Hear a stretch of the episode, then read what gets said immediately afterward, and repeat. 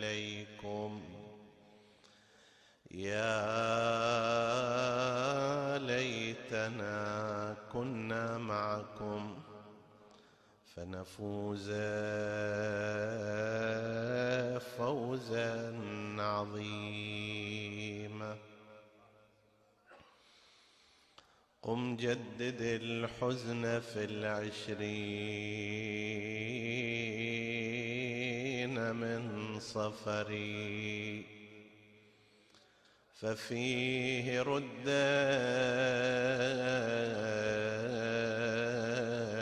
رؤوس الآل للحفر. ولهفتا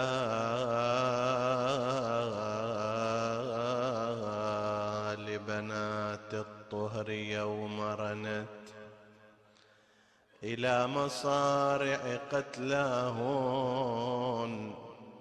والحفر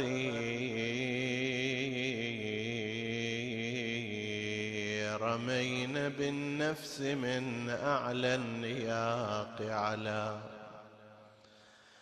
تلك القبور بصوت هائل ذعري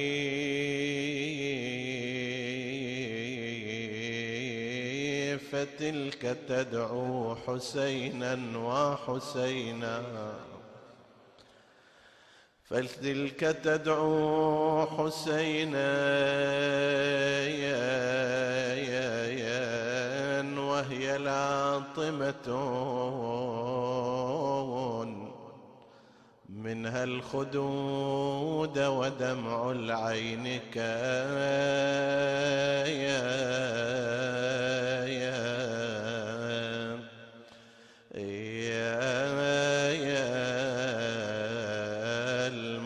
المطري وتلك تسرى يا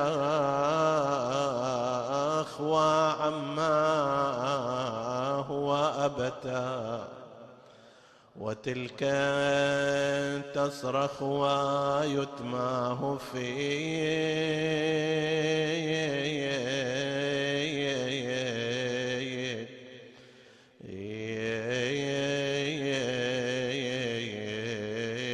الصغري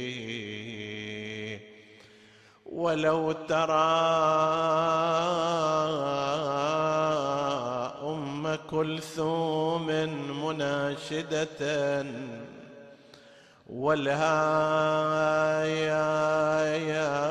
وتهمل دمع العين كالمطر يا دافن الراس عند الجثة احتسبوا بالله لا تنثروا تربا على يا يا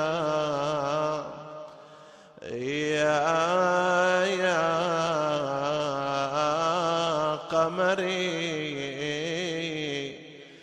لا تدفن الطيف إلا عند والده فإنه لا يطيق اليتم في الصغير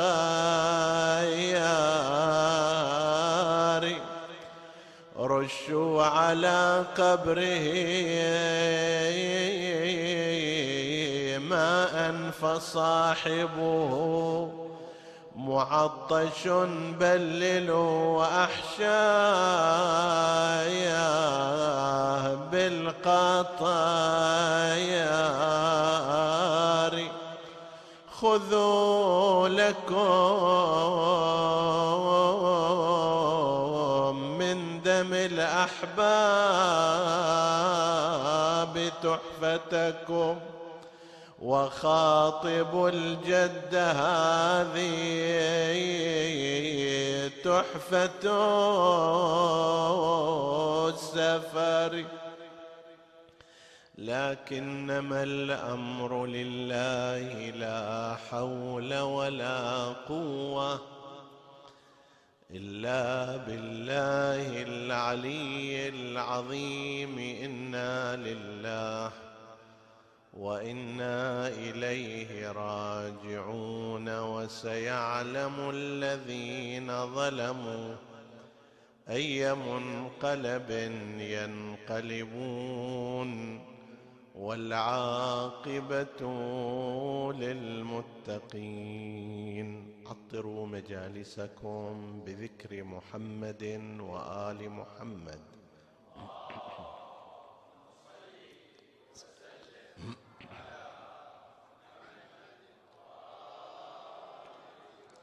اللهم صل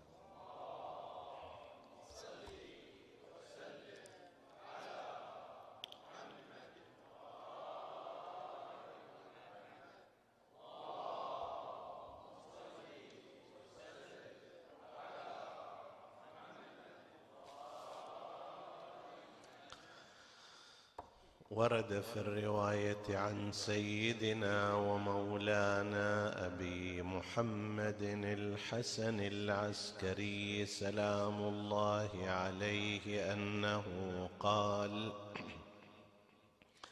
علامات المؤمن خمس صلاة إحدى وخمسين وزيارة الأربعين واتخذتم باليمين وتعفير الجبين والجهر ببسم الله الرحمن الرحيم. صدق سيدنا ومولانا أبي محمد الحسن العسكري سلام الله عليه.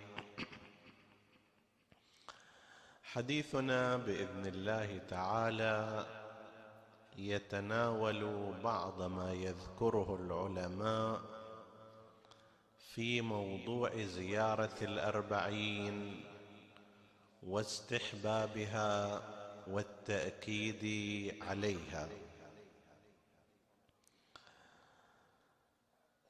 من جملة ما يذكر من الشواهد والقضايا على هذه الزيارة هذا الحديث الذي ذكر عن الإمام العسكري سلام الله عليه.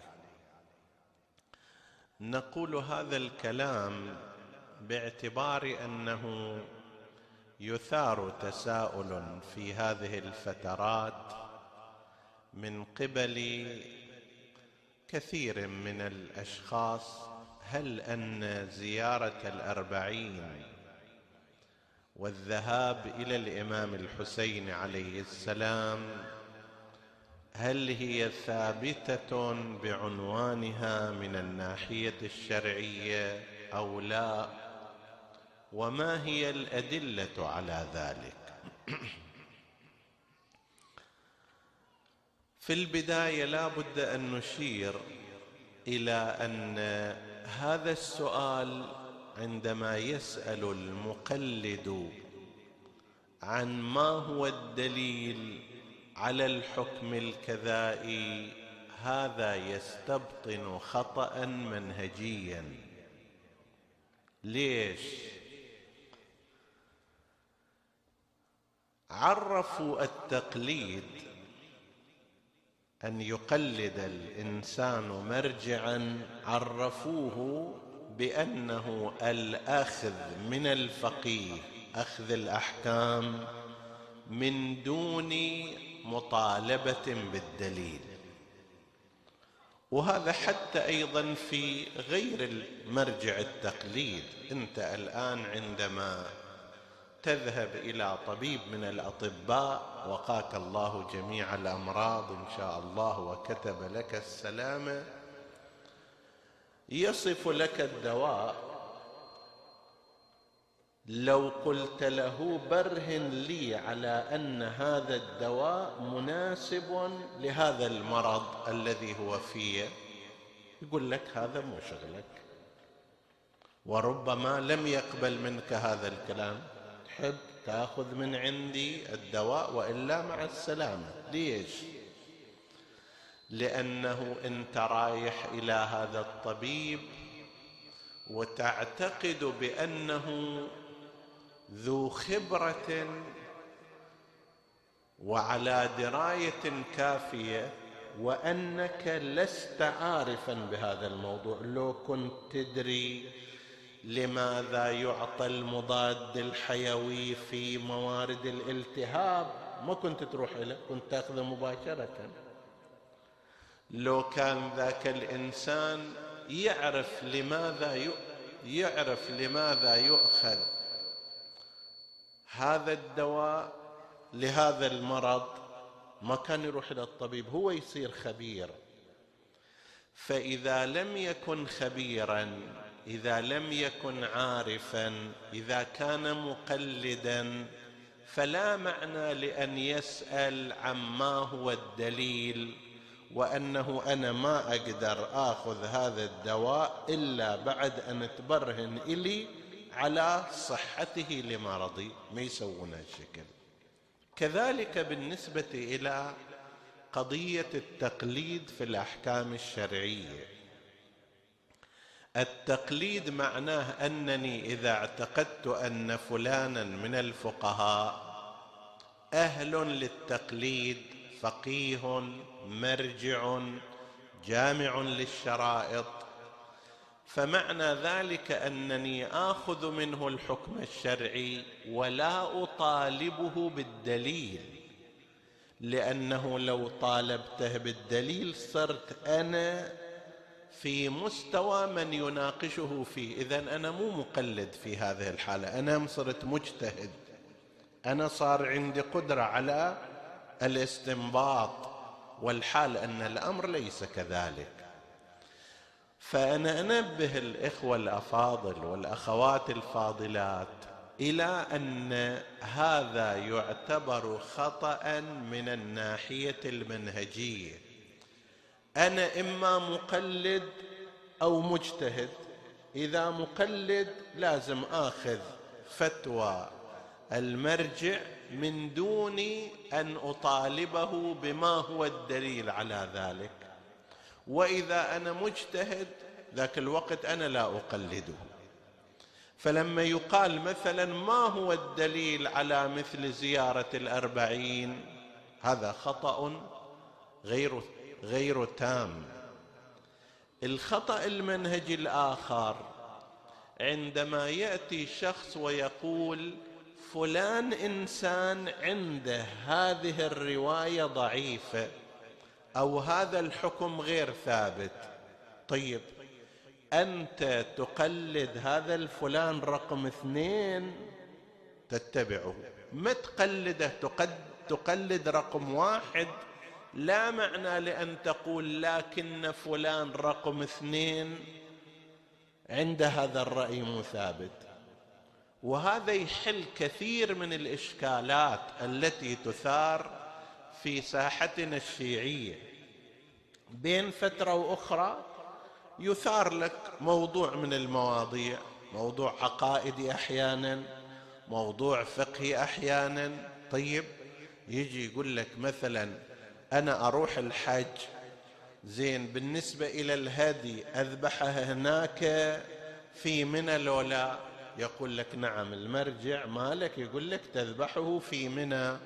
تقول له لكن مرجع آخر فلان باحث فلان فقيه فلان مثقف يقول تقدر تذبحه في البلد. طيب أنت إذا تقلد هذا الثاني بشكل كامل توكل على الله. لكن مع فرض أنك تقلد ذلك الأول الذي يفتي بأنه في منى لا بد من الذبح. لا معنى لأن تقول لكن فلان شخص يجوز في البلاد. قسم من الناس يقول لك مثلا أنا أقلد المرجع فلان وهو يوجب مثلا الخمس في أرباح المكاسب. إذا إنسان كان تاجرا كان موظفا كان عاملا وزادت أمواله عن مؤونته طيب يجب عليه الخمس فيها. فيجي شخص آخر يقول لا أصلا أرباح المكاسب لم يثبت فيها الخمس ما عندنا روايات صحيحة فيها. فإذا أنا ما أسوي هذا الشيء طيب إذا أنت تقلد هذا الشخص الذي قال في كل الأمور خلاص. أنت تقلد هذا وتعتقد به لكن مع تقليدك للأول فيها المساله هذه تقول مثلا فلان إنسان الآخر عنده غير ثابت هذا غير صحيح. وكذلك الحال بالنسبة إلى زيارة الأربعين. زيارة الأربعين عند مراجعنا العظام المقلدين في المنطقة بل عموم المراجع تقريبا إلا من يستثنى عندهم الاستحباب ثابت لزيارة الأربعين إما بالأدلة العامة وإما حتى بالأدلة الخاصة. يجي فد إنسان يجي يقول لكن فلان واحد قال هذه ما عليها دليل روايتها غير ثابتة. يقال له طيب أنت تقلد ذاك الشخص الآخر؟ خلاص اتبعه في المسألة وفي غيرها من المسائل. لكن إذا أنت تتبع هذا المرجع رقم واحد وهو يقول بالاستحباب لا معنى لأن تقول لكن فلان رقم اثنين يقول مو مستحبه هذا خطأ. هذه مقدمة أحببت الإشارة إليها. ثم نستعرض بعض ما ذكره علماؤنا من الشواهد على قضية زيارة الأربعين وهذا من أجل زيادة المعرفة فقط زيادة المعلومات والإحاطة بهذه القضية. عندنا من الروايات رواية يذكرها علماؤنا ومنهم شيخ الطائفه الطوسي أن علامات المؤمن خمس واحدة منها زيارة الأربعين. بعض الاثارات صارت كلام أنه هنا زيارة الأربعين ليس المقصود منها زيارة أربعين الإمام الحسين وإنما المقصود منها كما قالوا زيارة أربعين مؤمن. هذا التوجيه توجيه غير صحيح. لماذا؟ يقول العلماء أن لم يعهد لا في رواياتنا الإمامية ولا في روايات المدرسة الأخرى أن هناك استحبابا لزيارة أربعين مؤمنا. أكو الدعاء لأربعين مؤمن في صلاة الليل عندنا. إن شاء الله الحضور يوفقون وهم موفقون لمثل صلاة الليل. يستحب الدعاء لأربعين مؤمن. عندنا إذا توفي الإنسان الله يرزق الجميع طول العمر مقرونا بالعافية والإيمان. إذا توفي الإنسان يستحب أن يشهد على كفنه أربعون مؤمنا على أنه رجل صالح. طيب؟ وكأن هذا نوع من الشفاعة عندنا. بس زيارة أربعين واحد لا موجودة في الروايات ولا موجودة أيضا في الممارسة. يعني ما عندنا مثلا أن شيعة أهل البيت كانوا يزورون أربعين مؤمنا. ممكن يزور إله مؤمن مؤمنين عشرة خمسة عشر أكثر أقل لكن ما ملتزمين بهذا من مختصاتهم.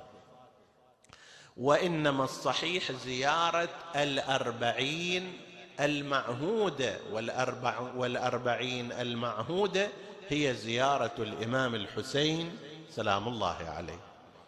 خصوصا مع ملاحظة أن الرواية كانت في صدد بيان مختصات الإمامية. ما هي مختصات الإمامية؟ علامات المؤمن خمس. يختص بها أتباع أهل البيت. واحد منها الجهر ببسم الله الرحمن الرحيم. هذا ما عندنا في سائر المذاهب ما موجود. بل بالعكس يعني في بعض صلوات الجماعة إذا لاحظت كل السورة يجهر بها إلا بسم الله الرحمن الرحيم يخافت بها.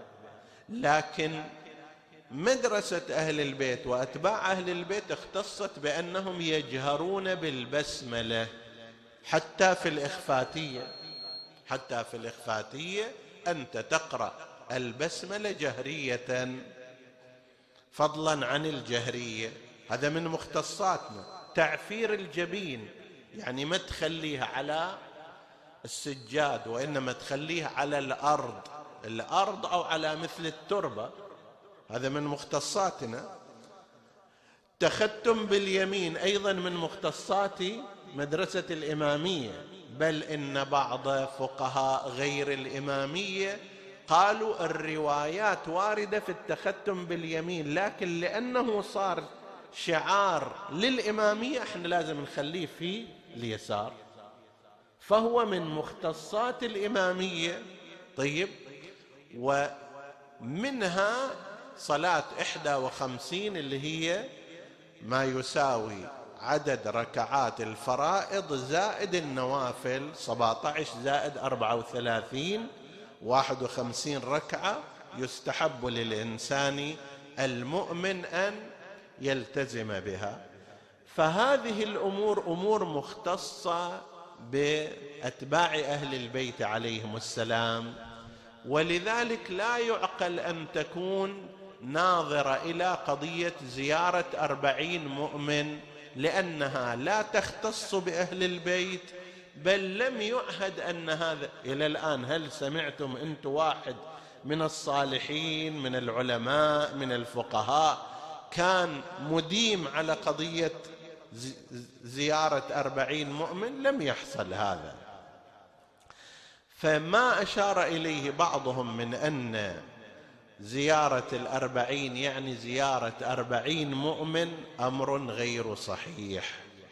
أكو عندنا أيضا رواية أخرى اللي هي رواية صفوان الجمال وقد نقلها شيخ الطائفة الطوسي عن الإمام الصادق عليه السلام قال قال لي مولاي الصادق عليه السلام في زيارة الأربعين تزور ارتفاع النهار وتقول السلام على ولي الله وحبيبه وذكر الزيارة.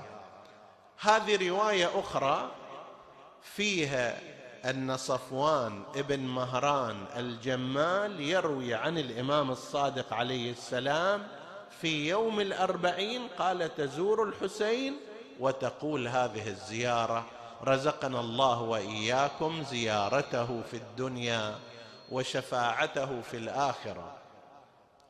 هذه أيضا من الروايات التي يستدل بها علماؤنا على قضية زيارة الأربعين وقد اختلفت كلماتهم في هذه الرواية. بعضهم بعض العلماء قال سندها معتبر.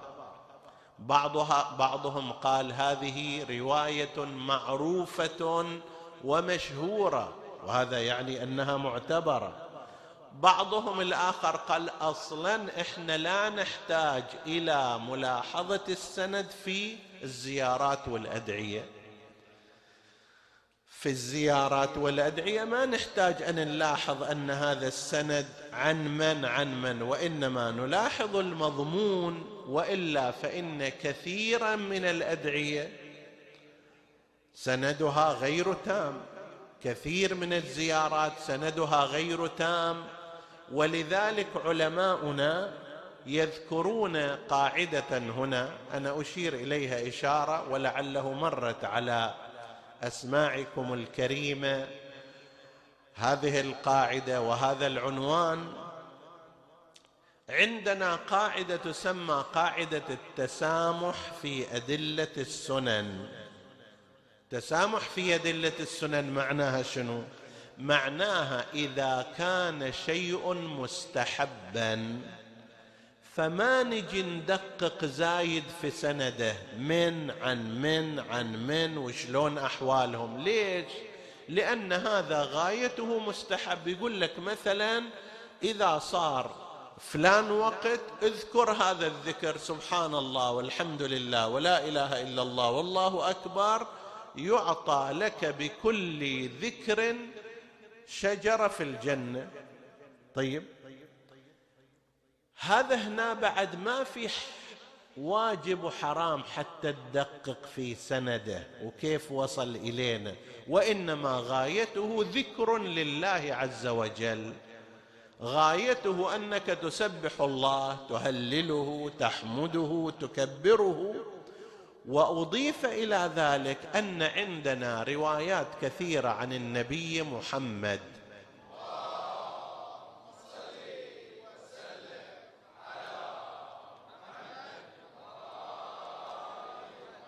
معناها أنه من بلغه ثواب على عمل من رسول الله. فعمله ابتغاء ذلك الثواب. أوتي ذلك الثواب يوم القيامة وإن لم يكن رسول الله قد قاله. يعني مثلا الرواية التي تقول إذا قلت سبحان الله والحمد لله ولا إله إلا الله والله أكبر وهذه رواية مروية عن النبي صلى الله عليه وآله. غرس لك في الجنة بكل ذكر شجرة يعني سبحان الله شجرة. الحمد لله شجرة لا إله إلا الله شجرة الله أكبر شجرة. هذا أنت على قعدتك هذه اذا هالنص ساعة تكرر سبحان الله والحمد لله ولا إله إلا الله والله أكبر تسوي لك بستان في الجنة. طيب؟ زين.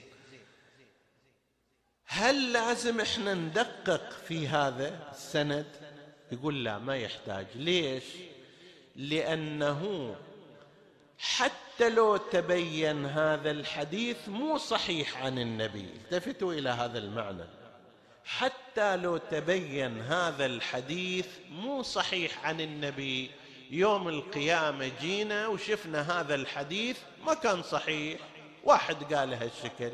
لكن انت سويته لأنك تظن أن النبي قد قاله.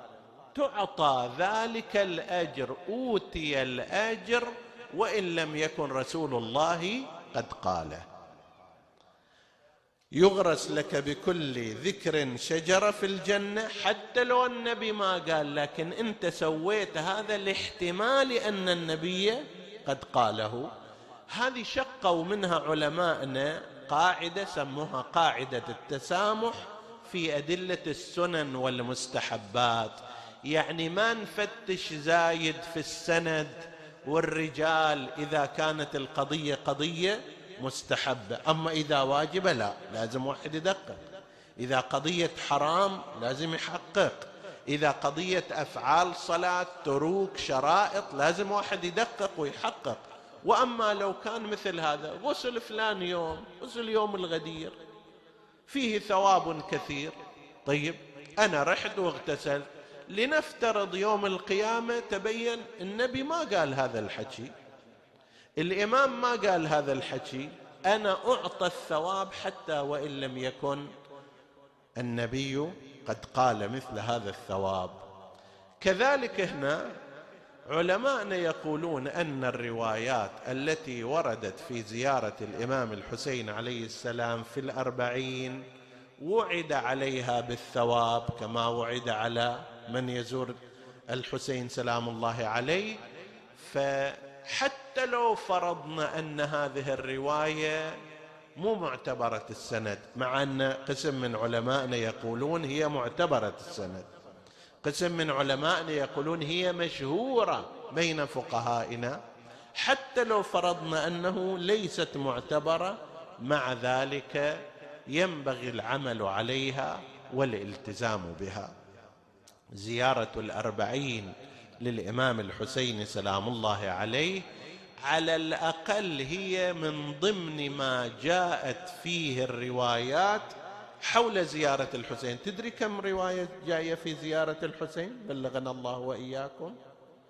ألف ومائه وأربعون رواية جاءت في فضل زيارة أبي عبد الله الحسين صلوات الله عليه. ألف ومائه وأربعين رواية. ليس شيئا قليلا هذا في مثل هذه القضية.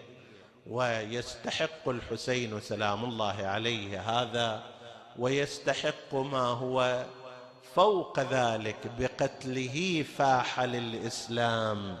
نشر هدى فكلما ذكرته المسلمون. ذكى يا ميتا ترك الألباب حائرة وبالعراء ثلاثا. جسمه ترك تأتي الوحوش له ليلا مسلمة والقوم تجري صباحا فوقه الرمك. هي المسيرة التي اختطها الحسين عليه السلام.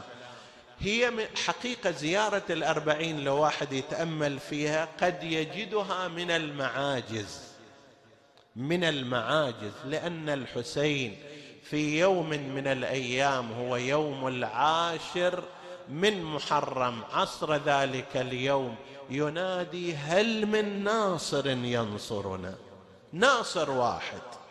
هل من ذاب يذب عن حرم رسول الله؟ واحد.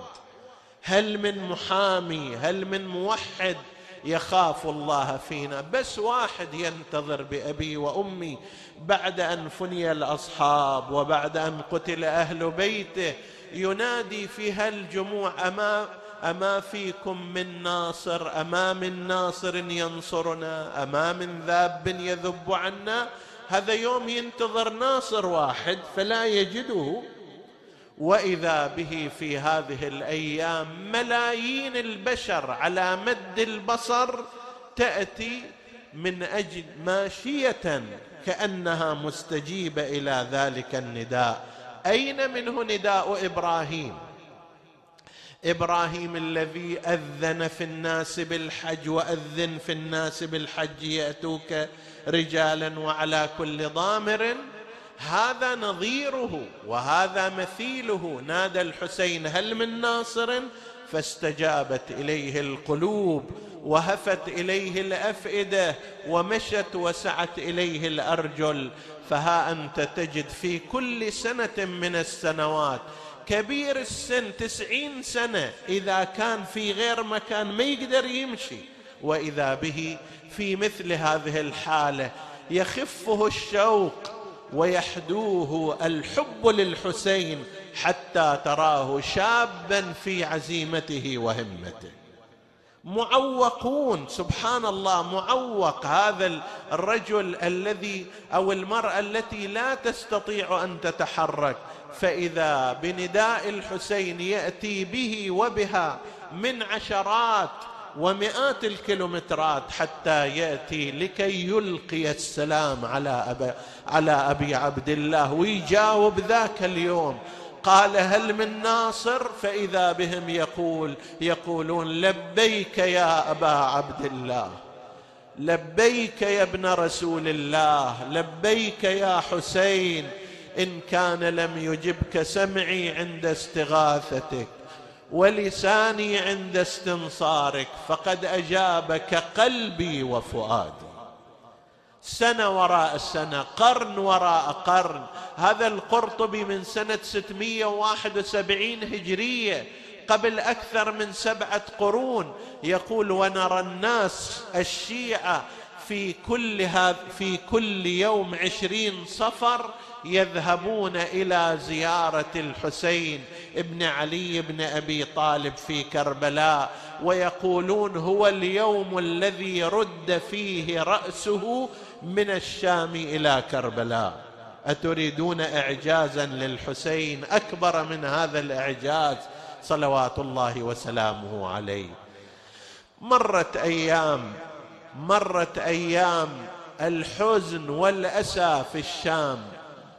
رأت النساء رأى الأطفال رأت السبايا ما رأوا من الشماتة والأذى. فقدوا هناك أيضا طفلة صغيرة ماتت على رأس والدها الحسين رقية بأبي وأمي. أقاموا عليها المأتم ثم بعد ذلك يزيد خاف من انقلاب الوضع عليه لأنه صار هذا العزاء صار هذه النياحة صارت هذه المجالس مناسبة لتعريف الناس بقضية الحسين. وحزنهم على ما جرى ونقمتهم على بني أمية.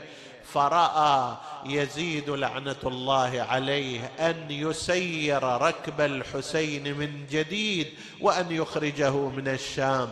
فالتفت إلى زين العابدين. علي بن الحسين قال يا ابن الحسين إن أحببت المقام عندنا فعلت. يعني إذا تريد تبقى في الشام ما عندنا مانع. وإن أردت العودة إلى المدينة جهزناك بمن يرجعك. فالإمام زين العابدين عليه السلام عمته زينب ولو هو الإمام الحجه بس هذه نصيرة الحسين كفيلة النساء متممة الثورة جاء إليها عم زينب هذا يزيد يقول كذا وكذا. تريدين تبقين في الشام أو ترجعين إلى المدينة؟ فقالت يا ابن أخي ماذا فعلت لي الشام حتى أبقى فيها؟ إيش سوت علي الشام غير الأذى والألم والشماتة؟ أنا إيش حصلت بالشام حتى أبقى بيها؟ بل نرجع إلى المدينة. جهزهن بما ينبغي. ورجع هذا الركب كأنما قالوا أن النعمان بن بشير الأنصاري هو الذي كان معهن في هذه الرحلة لأنه أحن قلبا من أولئك الذين جاءوا في طريق الذهاب. زجر بن قيس وشمر بن ذي الجوشن وهؤلاء الجفاة الأعراب الطغاة لا أبعدهم وجاء بالنعمان ابن بشير ألين عريكة أكثر حنانا من أهل المدينة من الأنصار وبالتالي هؤلاء يعرفون أهل البيت فأخذوا في طريق الرجعة إلى كربلاء. بعض أرباب الخبر يقول هذا المعنى لما رأت زينب حسن معاملة النعمان بن بشير للنساء للأطفال. إذا أنزلهن مكانا ابتعد مع جنوده وإذا احتاجت امرأة إلى شيء وفروه إليها فأرادت أن تكرمه. أرسل إليه شيء من الذهب بعنوان الامتنان والشكر. فما كان منه إلا أن بكى. قال أنتم سلبتن في مخيمكن. الآن نسلبكم مرة أخرى. لا يكون ذلك أبدا. رفض أن يأخذ شيئا لأنه هم ما بقى عندهم شيء حتى المقنعة كانت تنازع عليها والثياب كانت تؤخذ منها. إلى أن وصلوا أيها المؤمنون إلى قريب كربلاء. إلى منعطف طريق إما يتجهون باتجاه المدينة المنورة إلى الجنوب أو يواصلون مشوارهم إلى كربلاء. هنا سأل النعمان زين العابدين يا ابن الحسين تريدون الذهاب إلى العراق أو إلى المدينة؟ فلما سمعت زينب اسم العراق هاجت أحزانها. صاحت عم صاحت يا ابن أخي قل للدليل يمر بنا على مصارع قتلانا. إحنا ما قضينا وداع عندما خرجنا وما ندري ما الذي جرى على تلك القبور والآن في طريق نخليه مر على مصارع قتلانا. توجه إلى جهة العراق لما لاحت تلعات كربلاء هاجت أحزان زينب. وتذكرت دخولها إليها بحماية إخوتها وأبناء إخوتها. لسان الحال يا نازلين بكربلاء هل عندكم خبر بقتلانا وما أعلامها؟ ما حال جثة ميتين في أرضكم بقيت ثلاثا لا يزار مقامها بالله هل واريتموها في الثرى وهل استقرت في اللحود رمامها ما غسلوه ولا لفوه؟ يوم الطفوف ولا مدوا عليه رداء قال أرباب الخبر كان جابر بن عبد الله الأنصاري على الطرف الآخر. جاء لزيارة الحسين لما وصل إلى شاطئ الفرات اغتسل وألقى على نفسه شيئا من العطر. ثم قال لمولاه عطية وتلميذه خذ بيدي إلى قبر الحسين. ضعف بصره. جابر كان ضعيف البصر في تلك الفترات. لذلك استعان بعطية لكي يوصله إلى القبر. لما وصل إلى قبر الحسين وضع يده على تراب القبر. تصور نفسك من مكان بعيد جاي ومخلي إيدك على شباك الحسين. ماذا سيحصل فيك لما وضع يده على تراب القبر؟ صاح حسين حسين يا حبيبي يا حسين.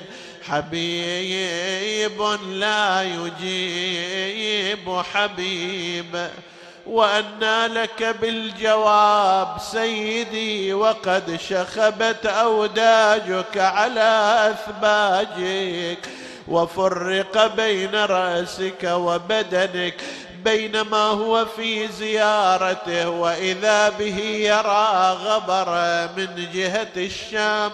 قال لعطي قم وانظر فإن كانوا من بني أمية لعلنا نلجأ إلى ملجأ. وإن كان مولاي زين العابدين فارجع إلي وأخبرني ما إن وصل عطية إلى ذلك الركب إلا وهو يسمع النداء وحسينا. وابن رسول الله رجع إلى عطية. قم واستقبل حرم الله وحرم رسوله. جاء زين العابدين ومعه عماته وباقي السبايا. يذكر أرباب الخبر هذا المعنى. زينب لما وصلت إلى مجتمع القبور ظلت على ناقتها تتلفت يمينا وشمالا.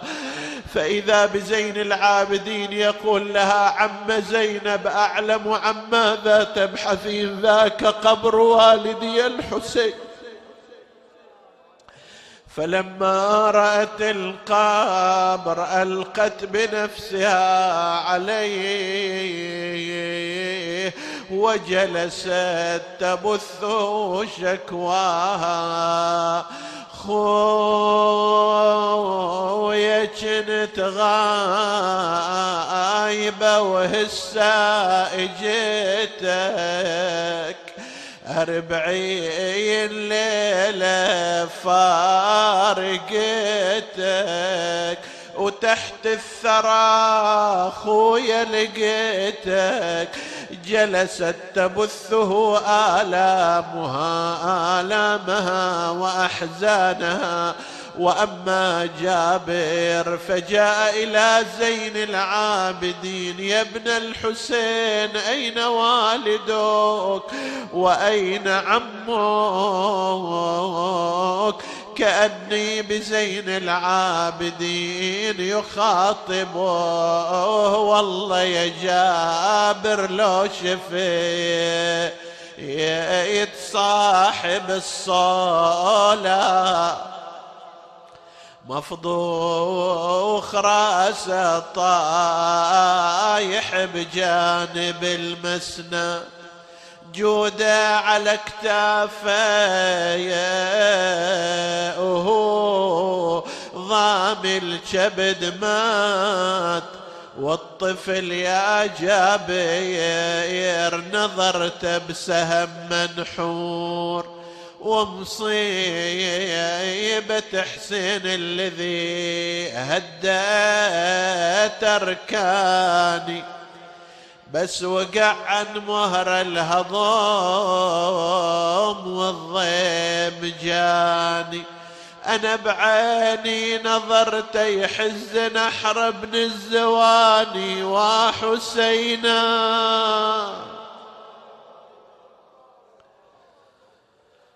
نسألك اللهم وندعوك باسمك العظيم الأعظم الأعز الأجل الأكرم يا الله. اغفر لنا ذنوبنا كفر عنا سيئاتنا آمنا في أوطاننا. لا تسلط علينا من لا يخافك ولا يرحمنا. ولا تفرق بيننا وبين محمد وآله طرفة عين. فض اللهم إخواني الحاضرين فردا فردا واقض حوائجهم. اشف اللهم مرضاهم لا سيما المرضى المنظورين. اللهم اشفهم بشفائك وداوهم بدوائك وعافهم من بلائك. وتقبل اللهم عمل المؤسسين إلى أرواح موتاهم وموتى السامعين. نهدي ثواب الفاتحة تسبقها الصلوات.